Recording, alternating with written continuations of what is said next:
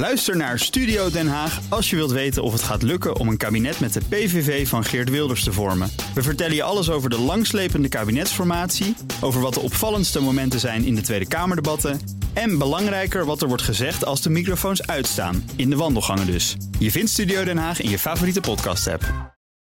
Scherp. BNR Nieuwsradio. The Big Five.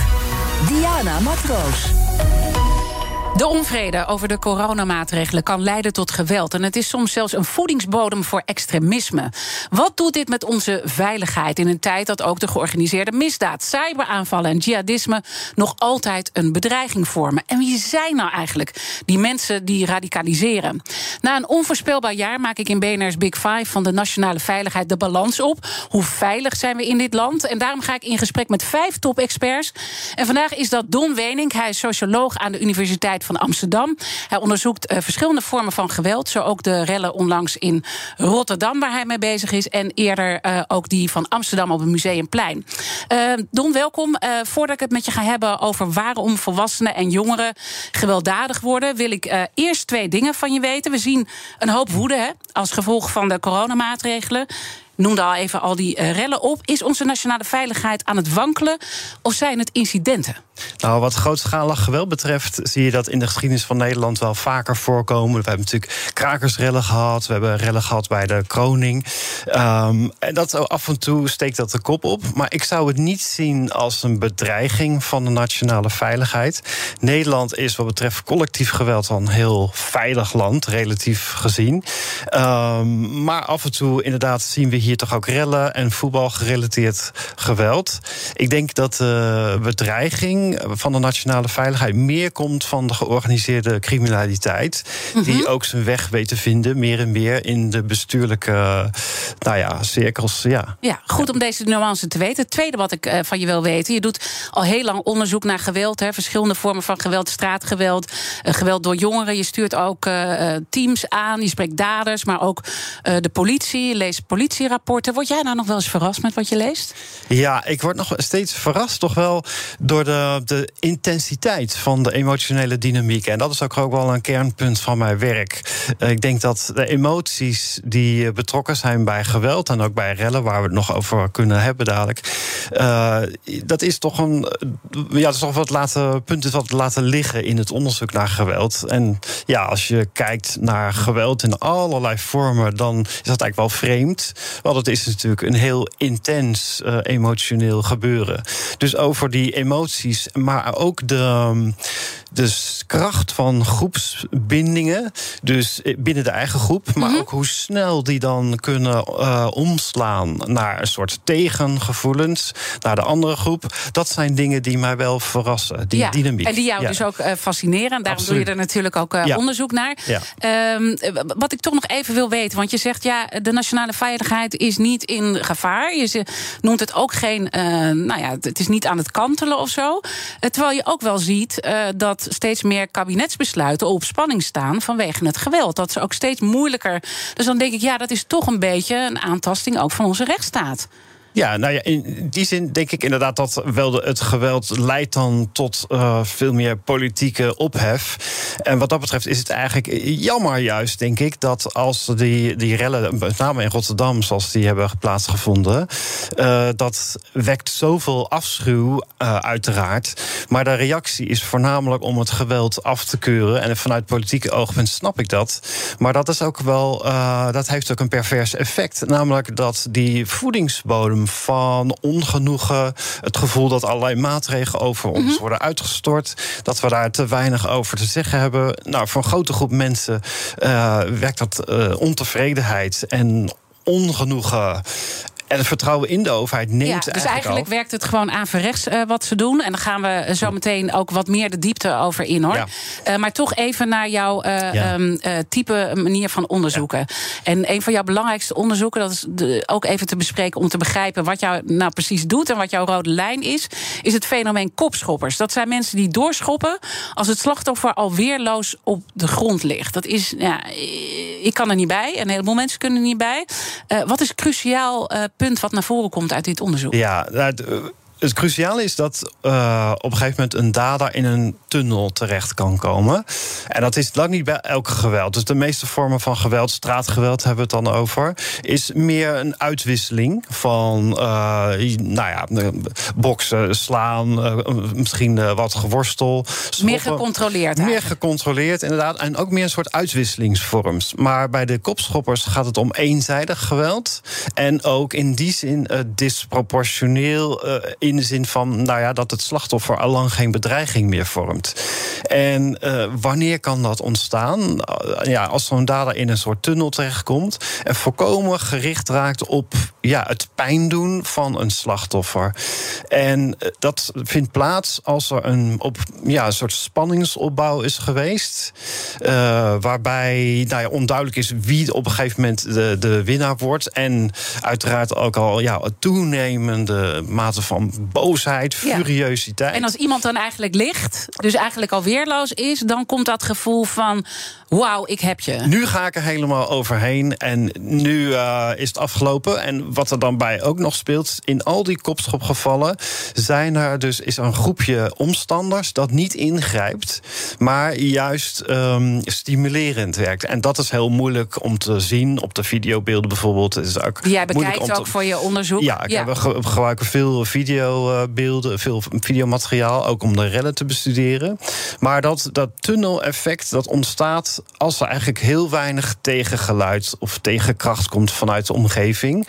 En ja, als er dan uh, een, dan ontstaat er een keerpunt als het slachtoffer plotseling kwetsbaar is. Ja. En dan, ja, dan zou je inderdaad. Zou je denken van nu heb ik mijn zin, maar dan juist is dat die tunnel dat je dan een soort gefocust bent om iemand extra veel pijn te doen. Eigenlijk die, die emotionele dominantie die dan krijgt. Precies, je benoemt uh, dit aspect, dus dat is belangrijk wat in jouw onderzoeken naar voren komt, maar ook dat groepsproces uh, benoem je. En dan vind je eigenlijk, heb ik begrepen, dat wij uh, veel, te veel te weinig, ik wou zeggen veel te veel, maar veel te weinig, empirisch onderzoek doen naar rellen. Ook uh, met deze aspecten? Ja, nou ja, inderdaad, uh, met name ook deze emotionele dynamiek. Er is in Nederland zeker wel onderzoek gedaan uh, naar rellen. Ook mm, met behulp van observaties, technieken. Maar we kunnen nog veel meer de diepte in wat betreft... Ja, eigenlijk twee belangrijke vragen die onderzocht moeten worden. Dat is die emotionele dynamiek. Daar zijn wel ideeën over, zoals dat tunneleffect, opbouw van spanning. maar ook groepsvorming, hoe dat heel polariserend ter plekke kan werken. Dus vanuit eh, politie en demonstranten. Maar ook, uh, ja, en wat dat betreft, gebruikmakend van veel meer gebruikmakend van videomateriaal. Wat nu ja, in hele ruime mate voorhanden is. En een belangrijke vraag ook die we nog veel te weinig uh, hebben proberen te beantwoorden is de plekken waar je eigenlijk zou verwachten dat een rel zou kunnen ontstaan. Uh, maar daar gebeurt uiteindelijk. Daar niks. Vindt geen, ja, daar ja. gebeurt niks. Hoe kan dit? Dus dat is heel belangrijk om. Heb je enig idee? Ja, ik heb daar wel ideeën over. En dat is ook wat we in het onderzoek dan nu eh, proberen te, te achterhalen. Dat, dus de, waarschijnlijk spelen op die plekken de jongerenwerkers, uh, wijkagenten, buurtmoeders, buurtvaders een hele belangrijke rol.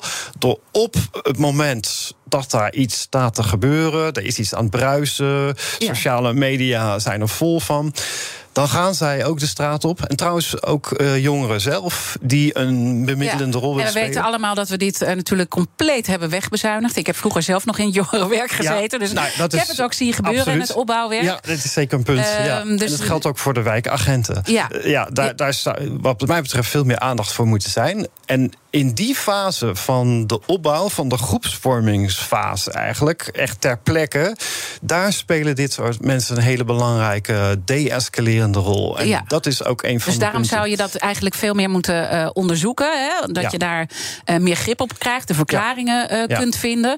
andere landen doen dat wel. Ik heb Frankrijk en Duitsland doen veel onderzoek naar rellen. Wij laten dat toch een beetje liggen. En iets anders wat mij opvalt in jouw verhaal is dat je dus zegt die positieve emotie. Terwijl ja. uh, wij denken vaak, uh, zeker als het gaat om uh, in zo'n groep, dat het toch een soort een beetje is die massahysterie, weet je wel? Die, die, die, die, die emotie in gang kan zetten. Of de hersenloze massa. Dat was ja. volgens mij Gustav Le Bon die daar ja, zo over ja, dacht. inderdaad. Nou, dat is inderdaad. Um, over emoties valt op, moeten we eigenlijk genuanceerder gaan denken. Dus inderdaad, in de ideeën van Gustave Le Bon is het van, nou, de, zodra je dus deel uitmaakt van zo'n grote mensenmassa, dan stopt het denken. En dan wordt die massa, die, die, die zijn geen individuen meer, maar volkomen volslagen ontvankelijk voor allerlei ideeën over agressie. En er hoeven maar een paar negatieve elementen zich te bevinden in die massa. En hop, uh, het soortje gaat mee en er ontstaat een rel. Dat was het oude idee. En ik moet zeggen, uh, in sommige momenten reageert de politie ook op die manier op een, op een uh, grote groep demonstranten. Ja. Hè, waarbij er toch een heel wordt gevaarlijk gevonden, zo'n grote massa. Um, maar ja, dat is, dat is meer, meer het oude idee. Van... Maar het gaat dus meer over die positieve emoties. Ja. Laten we daar zo over ja, verder praten. The Big Five. Diana Matroos. Mijn gast is Don Wenink. Hij is socioloog aan de Universiteit van Amsterdam. En hij onderzoekt de rellen dit jaar in Amsterdam op het Museumplein. En in Rotterdam aan de Koolsingel. Afgelopen november. Gaan we zo meteen uitgebreid over hebben in het tweede deel uh, van ons gesprek. Maar eerst moeten we toch wat verder de theorie ook van jou begrijpen. En ook een beetje in het hoofd van die railschopper uh, uh, ons gaan verplaatsen. Want jij zegt vanuit die groep en vanuit misschien wel een vreedzaam protest. gaat het uiteindelijk uit de hand lopen. En dat is een positieve emotie. En niet dat hersenloze massagevoel waar wij eerder van uitgingen. Wat gebeurt er dan met die positieve emoties? Ja, nou, over dat punt van die positieve emoties. Ik, ik, goed denk ik om ook nog even te noemen wat een heel belangrijk element is om een rel te veroorzaken. Dat je een groep mannen hebt die vertrouwd zijn met geweld. Daar kunnen we het zo nog over hebben. Maar over die positieve emoties. Dat is mm, niet zo prettig om te erkennen. Maar het is wel belangrijk om te begrijpen dat positieve, dat daar een aantrekkingskracht uitgaat van rellen. Ja, want niemand begrijpt nu die aan het luisteren is, die denkt: hoezo zijn rellen een positieve emotie? ja, waarom kan je dit gaaf vinden? En inderdaad. Dus eh, nou, het zijn echt momenten van, van onbezonnenheid, ontremdheid en ontregeling. Mm alles helemaal loslaten. En wat uh, dus op, dat is ook een overwinning. Uh, zeker in Rotterdam zie je dat heel duidelijk. Dat op het moment dat het politiebusje wegrijdt, zie je een massa mannen daarachteraan rennen, joelend. En ja, dat is heel duidelijk. Daar is enthousiasme, daar is een gevoel van victorie, dominantie. Uh, de ruimte is nu van ons. Wij zijn hier de baas. Dus we kunnen hier ook totaal ontregelend optreden. En hoe gekker het wordt hoe heftiger het wordt, is ook ja, een duidelijker teken en van. dat zien we natuurlijk ook wel bij andere rellen. Hè. We weten nog heel bekend dat Project X, uh, die, dat Facebook-feest, 21 december 2012 was dat, in het Groningse dorp Haren. Dat was ook een soort emotie, vreugde. Zo begon het. Ja, dat is absoluut daar. De vreugde. En we weten dat het helemaal uit hand liep. Ja, en wat maakt dat nou zo gaaf dan inderdaad? Hè? Behalve dat gevoel van dominant. Ook zo'n heel sterk samenhorigheidsgevoel ter plekke. Dus wat je ook ziet, er wordt heel veel geschreeuwd. Uh, misschien wel gezongen ook. Dus er is ook op dat moment een heel intens gevoel van verbondenheid. En ja, dat uit zich, uh, of dat, dat is dan. Maar is dat dan niet die hersenloze massa? Want dat, dat is ook een vorm van verbondenheid. Dat je gewoon je hersenen gewoon compleet uit zetten met een massa hysterie meegaat. Ja, alleen op dat moment uh, is inderdaad overzien. De, met name, de, ja, dat zijn natuurlijk vooral mannen die overzien hun daden dan niet. Maar is wel, dat is wel zo. Het is een hele sterke aantrekkingskracht van dat groepsproces en daarbij horen mm -hmm. en dit samen te doen. Ja. Maar um, in de fase daarvoor, waar dus demonstranten, dat is niet per se een hersenloze massa die heel makkelijk uh, vatbaar is. Daar gaat nog wel wat aan vooraf voordat die massa inderdaad overgaat tot het. En wat gaat eraan vooraf dan? Nou ja, wat je nodig hebt is uh, om zo'n massa te laten rellen, is toch een groep mensen, mannen, die uh, zekere vertrouwdheid hebben met geweld en intimidatie. Dus zij moeten dat voortouw nemen. En vervolgens, ja, moet er daar niet te veel mensen zijn die deescalerend optreden. Want dat is wel belangrijk om te noemen. Bij heel veel vormen van geweld, zodra er geweld plaatsvindt, zijn er vaak ook mensen die proberen in te ja, grijpen. Van doe even normaal, laten we relaxed blijven. Ja. Ja, nou, en als dat ontbreekt en je hebt inderdaad een groepje uh, mannen die, die vertrouwdheid hebben met geweld en intimidatie, en ze krijgen de rest mee, dan ontstaat er een heel sterk gevoel van overwinning. Mhm. En samen zetten wij nu de boel eh, ja, in de hand. Wij zijn hier nu de baas. En dan komen mensen dus in die tunnel eh, terecht, hè, want dat omschrijf je ook. eh, door die emotie, dat saamhorigheidsgevoel, die overwinning. Of, of met dat Ja. kopschoppen, hè, als Ja. iemand al weerloos is, gewoon dan helemaal dat overwinningsgevoel willen uitbuiten. Die komen in een tunnel, maar er zijn dus ook mensen die dan bijvoorbeeld achteraf berouw hebben. Een 44-jarige Rotterdammer zei achteraf dat hij in een vlaag van verstandsverbijstering handelde toen hij met stenen gooide. Je wordt gewoon meegezogen. Ik heb er geen verklaring voor. Ik ben een zachtaardig persoon. Is dit elke brave, nou, jij noemt mannen, huisvader, die Ja. hierin mee kan gaan? Ja, nou, dat denk ik toch niet. Eh, ik, ik- ja, er is een punt over mannen en geweld natuurlijk. Hè. De- Degene die het meeste geweld plegen zijn eh, mannen. Ehm, dus daar is iets aan de hand met, eh, met mannen. Maar de meeste mannen doen dit natuurlijk niet. Dat het, dus, Gelukkig. Ja. nee, de meeste mannen doen dit niet. En waarom doen sommige mannen het dan wel? Misschien dat we eerst op die vraag Ja. in kunnen gaan. Ehm, ja, voor- voor- ik denk wel dat voor mannen geldt dat, dat zij toch meer bezig zijn met dominantie. Hè? Dus in het algemeen. Maar goed, voor de meeste mannen ja, heeft dat niet per se met geweld of agressie te maken. Dat, dat is iets wat geleerd wordt. Ja, dus dat, die- dat is eigenlijk wat je eerder ook zei: dat dit soort eh, mannen dan toch al met een bepaalde vorm van geweld te maken hebben gehad in het verleden. Wil dat dan zeggen Ja. dat ze misschien eh, zelf met huiselijk geweld te maken hebben? W- wat zijn de parallellen die je ja, ziet? dat kan, dat kan thuis zijn geweest, maar dat kan ook zijn in een groep eh, jongens waar ze toe hebben behoord. Dus kijk, wij kunnen allemaal wel iemand slaan. Maar om daarin effectief te zijn, om echt iemand echt pijn te doen, dan moet je dat wel, dat moet je echt, dat moet je leren. Mhm. En voor de meeste mensen moet er ook een soort drempel over voordat ze dat gaan doen. Dus voordat ze dingen kapot willen maken of gaan slaan. Misschien is het ook mooi om hier de kettingvraag eh, bij te pakken. Want eh, mijn gasten stellen elkaar vragen. En gisteren sprak ik met historicus Beatrice de Graaf. Ze doet onderzoek naar veiligheid en terrorisme. Ons gesprek is overigens terug te luisteren via onze BNR-app. Maar zal deze vraag voor jou in die uitzending? En eh, nou, we hebben het over sociale mediapraktijken. Vandaar ook mijn vraag aan Don Wenink. Er is in Utrecht een eh, groep onderzoekers, eh, de Utrecht Data School. Die hebben een heel mooi rapport geschreven van scherm naar straat. En die zeggen, er is dus echt iets aan de hand. Hashtags die je gebruikt op Twitter, die de oproepen die op Telegram worden verspreid, die zie je letterlijk op straat terug. Dus wat er vroeger nog wel eens werd gezegd, ach ja, hè, blaffende honden bijten niet. En mensen moeten op internet zich kunnen uiten. Dat, daar, dat kun je nou niet zomaar meer zeggen. Op straat heeft dat direct effect. Ja, en dan is de grote vraag: wat, wat moeten we met dit alles? Ja, het, het gaat uiteindelijk om van, eh, ja, wat, wat, wat, wat, eh, wat, in hoeverre speelt die sociale media nou een rol? Ja, nou, het speelt, de belangrijkste rol die de sociale media speelt bij allerlei vormen van uh, jongerengeweld, maar ook bij rellen, is dat er een podium bij komt. Dus sowieso zijn rellen en ook uh, gevechten tussen jongeren zijn iets, ja, wat dat heeft heel erg sterk een performance. Er, gebeurt hier iets wat van belang is om te bekijken. Um, en dat, dat theatrale, dat versterkt. Dus daar komt een podium bij. Een podium dat. Uh, dat helpt al bij de mo mobiliseren. Mm -hmm. uh, dus wat je zag in de, de rellen in februari, dat daar werd, en dan ging het over social media van Arnhem gaat ook branden. Ja. Dus dan is het steden. En, en daar kwam nog aan, we gaan het flikken. We gaan, enthousiasme. Ja, het enthousiasme, we gaan het flikken, hier ook. Ja. Maar dat valt dan nog te bezien of dat allemaal lukt. Want nou, ja, er zijn meer dingen nodig om een rel te doen ontbranden dan simpelweg te zeggen van wij gaan het hier doen. Nee, ja, ter plekke moet het dan ook inderdaad gaan lukken. Dan moet je moet een groepje hebben die dat inderdaad gaat uh, flikken.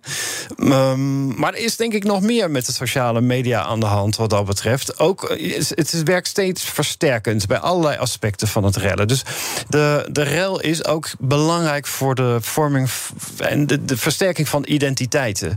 En dat zag je dus in Rotterdam ook heel sterk.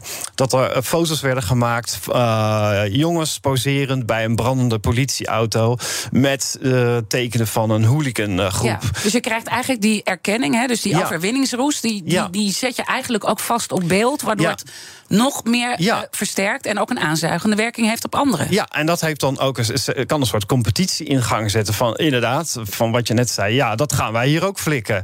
He, dus uh, dat, het, het toneel, het podium wordt veel Ja. groter. En zijn dat dan met name jongeren? Want ik hoorde Beatrice de Graaf gisteren ook zeggen dat ook oudere vrouwen radicaliseren. Ook eh, als gevolg van sociale media. Uh, ja, maar ik, het is nog steeds zo dat, uh, dat rellen en uh, vechtpartijen, dat zijn toch voornamelijk jonge mannen. Voor radicalisering de processen in het algemeen, op weg naar terrorisme bijvoorbeeld, ja, is dat denk ik weer een andere groep. En die zijn uh, ook in eerste instantie al politiek vaak actief. En hier bij de rellen is dat uh, minder goed.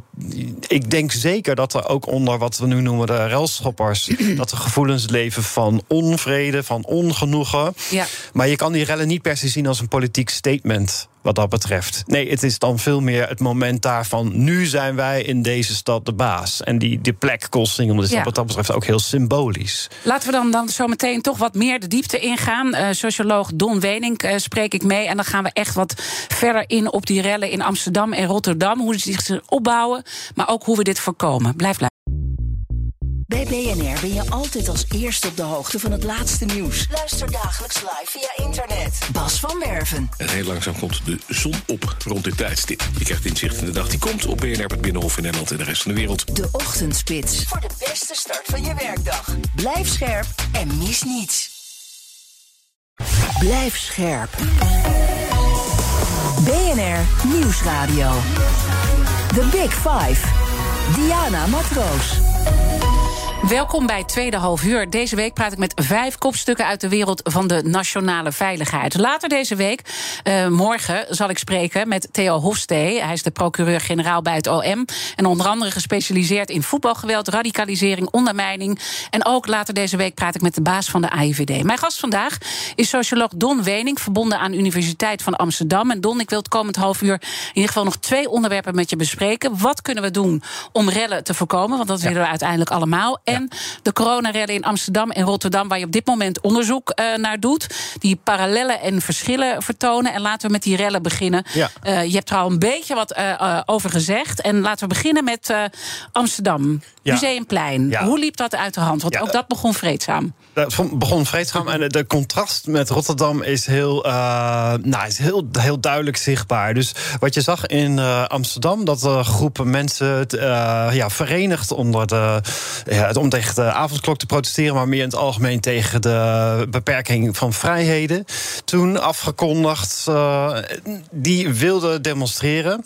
Uh, en zij gaven zich naar het Museumplein. Maar dat was nou precies de plek waar je dus niet mocht demonstreren. En wat je dan ziet, is een hele, toch wel vrij langzame opbouw naar geweld. Dus in eerste instantie verzamelt die groep zich dus op het Museumplein. Er zijn al aankondigingen eh, via speakers en op lichte borden van... nou, hier mag u niet demonstreren, gaat u ergens anders demonstreren. Op een gegeven moment zie je dat uh, politie met de platte pet, zoals dat heet... die begeven zich dan in die uh, groep. En ja, die verzoeken hen om elders te demonstreren. En wat je dan ziet gebeuren, dat die groep zich wat gaat clusteren. Dus als, eh, ze gaan niet weg, maar ze, ja, ze versteven zich, zich eigenlijk. Mm -hmm. Er wordt wat hechter in die zin. Ze gaan dichter bij elkaar staan. Sommigen gaan ook zitten. Maar er zitten ook zeg maar hele normale mensen tussen. Hè? Ja, ja. Dus, dus, maar die gaan zich dan toch hechten. En is dat dan weer dat tunnelverhaal waar jij het eerder over had? die positieve emotie? Nou, dit is meer het verhaal van versterking van de groepsidentiteit ter plekke. Want ze worden dus aangesproken als groep van... willen jullie ergens anders? Nee, wij gezamenlijk zeggen wij nee, dat doen we niet. En dat versterkt eigenlijk die band. Want nu zijn we ook tegen de politie en tegen de overheid... die ons, onze vrijheden weer beperkt... omdat we niet hier mogen demonstreren. Dus nou, dat, eh, die groep die wordt. Dus je ziet het echt gebeuren dat ze dichter op elkaar gaan staan. En dat blijkt ook uit allerlei sociaal-psychologisch onderzoek. Naarmate mensen dichter bij elkaar toe kruipen, naarmate ze hun gedrag eigenlijk meer overnemen, synchronisering heet dat, voelen ze zich ook meer één met de groep. Ja. En, en, en, toch eh, is de politie dan aan het infiltreren op zo'n moment. Hè. Er waren ook onherkenbare agenten, maar die werden uiteindelijk ontmaskerd. Hè. Dus, dus dat, dat, dat, had een soort boemerang-effect. Maar toch zeg jij dat het goed is als de politie zich mengt in zo'n. Waarom ging het dan hier mis? Ja, nou ja, en dat, dat vond ik dus heel uh, opmerkelijk. En dat is, gaat ook wel tegen allerlei studies naar hoe uh, protesten dan ontaarden in rellen. Gaat het tegen in. Deze groep wilde, mensen wilden niet weg, want zij vonden dat dit is onze ruimte. We laten ons deze vrijheid laat ons niet afnemen. Vervolgens zie je dat daar nadrukkelijker steeds wordt opgeroepen door de politie van nu moet u verdwijnen. Op een gegeven moment komt daar ME in vrij rustig tempo stellen die zich op. Mm. Daar komen de paardjes erbij, uh, honden komen erbij, ook de, de, de, de, de wagens met. Ja, dus het bouwt zich steeds eh, langzamer op. Maar ja. wat is nou de crux dat het dan zo misgaat? Ik bedoel, je moet nog, ja. natuurlijk nog verder onderzoeken. Ja, nou ja, kijk, ik, ik zou hier zeggen toch dat de politie had eigenlijk geen keus om die mensen anders dan hardhandig te verwijderen. Want je, je ziet ook, uh, als je naar de beelden kijkt, die groep die wordt dus steeds hechter. Ja. Eerst probeert de politie ze op te pakken, maar ze gaan weer zitten. Daar wordt voortdurend gewaarschuwd. Er wordt echt tig keer gewaarschuwd. Als ja. het nu niet vertrekt, gaan we geweld Maar wat zou de politie hiervan kunnen leren? Ja, nou, ik denk dat de politie echt wel volgens het boekje heeft gehandeld hier. Dus, dus soms ben je ook gewoon kansloos. Ja, dat dat dan, uh, maar, maar dan ben ik toch niet eruit. En ik, bedoel, ja. ik snap dat je nog uh, moet onderzoeken en allemaal ja. videobeelden gaat bekijken. Maar uh, op sommige plekken is het niet misgegaan. Ja, ja precies. Terwijl de politie hier dus wel juist heeft gehandeld. Ja, nou ja, kijk, en ik heb het nu vooral over wat er gebeurde op het Museumplein. Mm -hmm. en ik heb zelfs het idee dat daar op het moment dat de ME daar hardhandig in ingreep, dat dat ook voor die groep een bewijs was van zie je wel, wij leven in de politiestaat. En wat betreft sociale media, dit werd later ook wel uitgebuit. Van kijk, deze persoon, het is een, uh, een vader van, noem eens wat, 55. Maar kijk eens hoe hij gepakt is door de politie, hoe hij geslagen is. Ja. Nou, dus als een teken van, als een bewijs Ja. van dit is waar wij tegen protesteren. Maar moeten we dit ook bezien vanuit bepaalde groepen die gewoon hier propaganda aan het bedrijven zijn? Uh, rechtsextremisten. Ik heb eerder hier hebben bij de Big Five hebben Frank Pauw gehad, politiechef uh, van Amsterdam. En hij uh, vertelde in dat gesprek dat hij zich heel erg zorgen maakt over het vermengen uh, van bepaalde groepen. Is dat nu wat we zien en wat er ook anders is? Ja, nou, die zorg lijkt mij terecht. Kijk, ik denk wel dat op de lange termijn qua rellen dat je meer rellen kan verwachten. Ook gezien het afnemend vertrouwen in de overheid. En deze bundeling van ongenoegen in zo'n groep met een nieuwe identiteit tegen de overheid, tegen vaccinatie, tegen de uh, vrijheidsbeperkende de maatregelen, tegen coronabeleid. Dus daar is al een groei, zeg maar, een versterking van de identiteit. En door confrontatie met de politie wordt die identiteit eigenlijk sterker. En nou ja, er zijn inderdaad in Nederland allerlei vechtgroepen actief. Op het moment dat die zich meer onder een politieke banier gaan verenigen, ontstaat wel een, een gevaarlijke situatie. Dat je inderdaad meer uh, van dit soort geweld krijgt. Meer intimidatie op straat, groepen die rond gaan marcheren. Dat is een toekomstbeeld dat ik nu schets. Maar mm -hmm. het is niet helemaal uh, weg te denken. We zitten wel op een hellend vlak op dit moment. Ja, omdat je dus ziet dat er nu steeds meer groepen. Uh, jonge mannen beter in staat zijn om geweld te gebruiken. Die krijgen steeds meer kennis over hoe te ontregelen, hoe een rel te organiseren. En als op een gegeven moment toch de, de band met de politiek, met de politieke bewegingen en anti-bewegingen sterker wordt, ja, dan is het niet denkbeeldig dat daar een soort van knokploegen gaan uh, ontstaan, inderdaad. En dan krijg je vermengen die ook angstig worden voor onze nationale veiligheid. En dan kom je echt op een, op een ander punt. We zien ook allerlei berichten natuurlijk in de buurlanden. Duitsland, onze ja. eigen correspondent, vertelde hier op deze zender uh, vanochtend dat daar het, het, het echt grimmiger begint te worden nu als het gaat om, om de agressie naar aanleiding van allerlei maatregelen. Ik zit dan even gewoon vooruit te denken: wat voor situatie gaan we met oud en nieuw krijgen? Want vanuit die frustratie die jij uh, benoemt en dat steeds meer georganiseren van, van, van de rellen, mensen zijn natuurlijk boos dat dat niet mag. Ja, ja, en het is eigenlijk steeds zo bij, bij uh, rellen uh, als gevolg van demonstraties. Dat zijn steeds specifieke momenten die gelden als een soort focus, een focal point, zeg maar, waarop die ongenoegen zich dan helemaal kunnen bundelen. Mm -hmm. En ja, steeds bij een, een nieuwe maatregel die heel duidelijk is, kan dat een, ja, een aanleiding te geven tot een demonstratie. Maar ik moet wel zeggen, op korte termijn is denk ik wel zo dat de politie nu heel goed in de gaten heeft van wie mogelijk uh, rellen gaat schoppen. Wie, wie gaat starten met geweld. Dus er is op dit moment grote alertheid onder de politie. Maar ook bij de politie is het natuurlijk ja, beperkt uh, menskracht. En ja, daar wordt al heel veel gevraagd van de politie.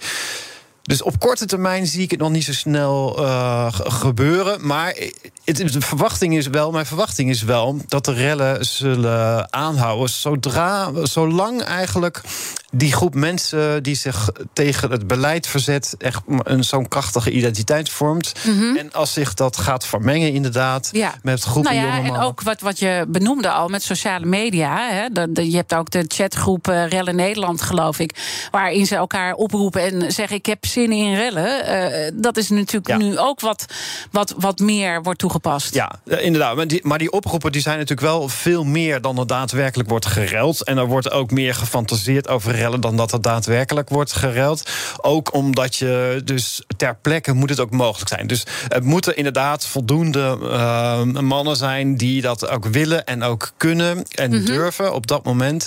Er moeten niet te veel mensen zijn die zeggen: ja, nee, dit kan eigenlijk niet, dit is te gek. Wat je, toch, wat je toch vaak ziet. Ja. Uh, ook andere mensen die kunnen bemiddelen moeten afwezig zijn. Hè? Dus, dus geen jongerenwerkers, geen wijkagenten of geen, geen ouders die daar rondlopen.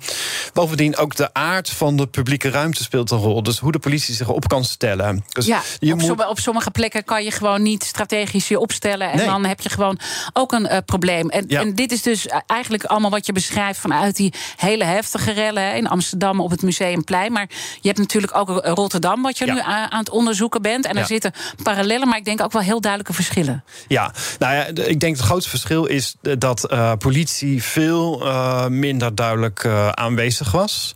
Dus dat, ja, dat, dat en dat er ook hier een, een demonstratie uh, veel sneller eigenlijk werd uh, gekaapt, kan je zeggen. Of in ieder geval weer als aanleiding werd gezien om dingen kapot te gaan maken. Mm uh, plus er was ook uh, veel meer voorbereiding. Het is al heel duidelijk dat groepen daar aankwamen met de bedoeling om geweld te gaan gebruiken om dingen stuk te maken. Dat is toch echt anders geweest dan. En zijn daar dan de voetbalhooligans weer belangrijker als groep vertegenwoordigd? dat je ook elke keer andere groepen ziet? Ja, die spelen wel degelijk een rol. Was ook heel duidelijk zichtbaar in videobeelden. Hoolies! Schreeuwen ze dan hè, als de politie wordt achtergezeten. En dat is trouwens ook, ook wel belangrijk om te noemen. In die context, eh, er, speelt ook een historisch gegroeide relatie tussen uh, groepen en de politie. En de mate van, nou ja, vijandschap tussen die twee. Dus ik kan me heel goed voorstellen dat onder de Rotterdamse hooligans... dat daar al een, ja, een vijandschap uh, bestaat naar de politie. En dat Wat ze dan op dit moment, is dit gewoon een mooi moment om dat even in te zetten. Ja. En nu ga je het natuurlijk ja. onderzoeken, allebei. Je bent al bezig. maar wat hoop je nou vooral te vinden met alles wat je al weet? Ja, nou ja, ik, ik denk vooral wat, hoe cruciaal... dat we daar de vinger op kunnen leggen... hoe cruciaal de, de, de inmenging is van mensen ter plekke die die jongeren kennen. Dus de, het belang van persoonlijke banden tussen jongeren die mogelijk gaan rellen en het voorkomen daarvan. Zometeen praat ik verder met socioloog Don eh, Wening. Want we komen zo langzamerhand ook bij de oplossingen aan. Hè. Wat kunnen we doen om dit uh, te voorkomen? Maar eerst wil ik eventjes weten: BNR breekt om 11 uur. Waar gaat het over, iemand? We gaan het hebben over de kerstvakantie. Uh, vanavond tijdens de corona-persconferentie gaan we natuurlijk horen dat de avondlockdown zal worden verlengd. Nou, dat is geen nieuws. Maar het is nog wel spannend ja, hoe het nou afloopt voor die bijna anderhalf miljoen kinderen in het basisonderwijs. Het kabinet wikt en weegt namelijk nog over het vervroegen van de kerstvakantie. Het OMT adviseert dat al tijden. Het kabinet wil wilde er niet aan. En nu opeens deze week als een soort duveltje uit een doosje... lijkt het wel op tafel te liggen. Ons breekijzer vandaag is een paar dagen van tevoren... een langere kerstvakantie aankondigen. Dat kan je echt niet maken. Ik ben heel benieuwd hoe onze luisteraars erover denken. Als ze even niet met ik zie de eindredacteur met jonge kinderen al zuchten. Ja, de handen in het haar. Oh, hoe moeten we dit nou weer doen? Precies, en ga je dan opa en oma bellen? Maar dat is eigenlijk ook niet de bedoeling. Want ja, dat is juist de bedoeling om ervoor te zorgen... dat ze even gescheiden nou zijn. Zodat je met kerst misschien... En je zal maar helemaal geen geld hebben nou voor oppassen... of in een heel klein huisje of al je oppassen zijn bezet, want die worden allemaal gebeld. Nou ja, goed. Hartstikke veel vragen inderdaad. Kan het wel met je werk eh, te combineren zijn, enzovoorts, enzovoorts.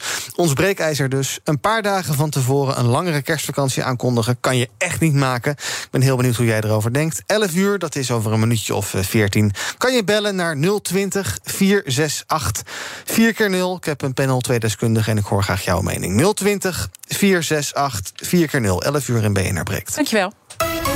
BNR Nieuwsradio. The Big Five. Diana Matroos.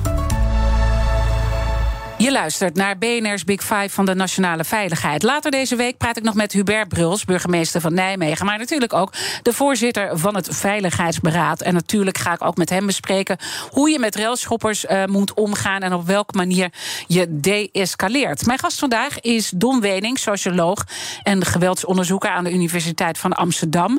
Uh, burgervader Hubert Bruls, uh, dat is jouw burgervader Ja, ook, hè, want je woont eh, in Nijmegen.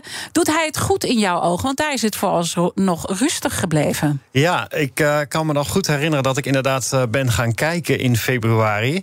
Dan ging over social media ook weer van alles er rond. Van nu gaat het beginnen en maak je klaar. Neem dit en dat mee. Eh, en ik ben gaan kijken. Maar wat de politie in Nijmegen goed deed, was de stad afsluiten. Ehm, ik, op een zeker moment is Hubert Brul volgens mij ook zelf in de stad geweest. En wat interessant ook was aan Nijmegen, dat de plaatselijke eh, hooligans, eh, ik zeiden van, jullie komen niet naar Nijmegen toe om onze stad te verkloten.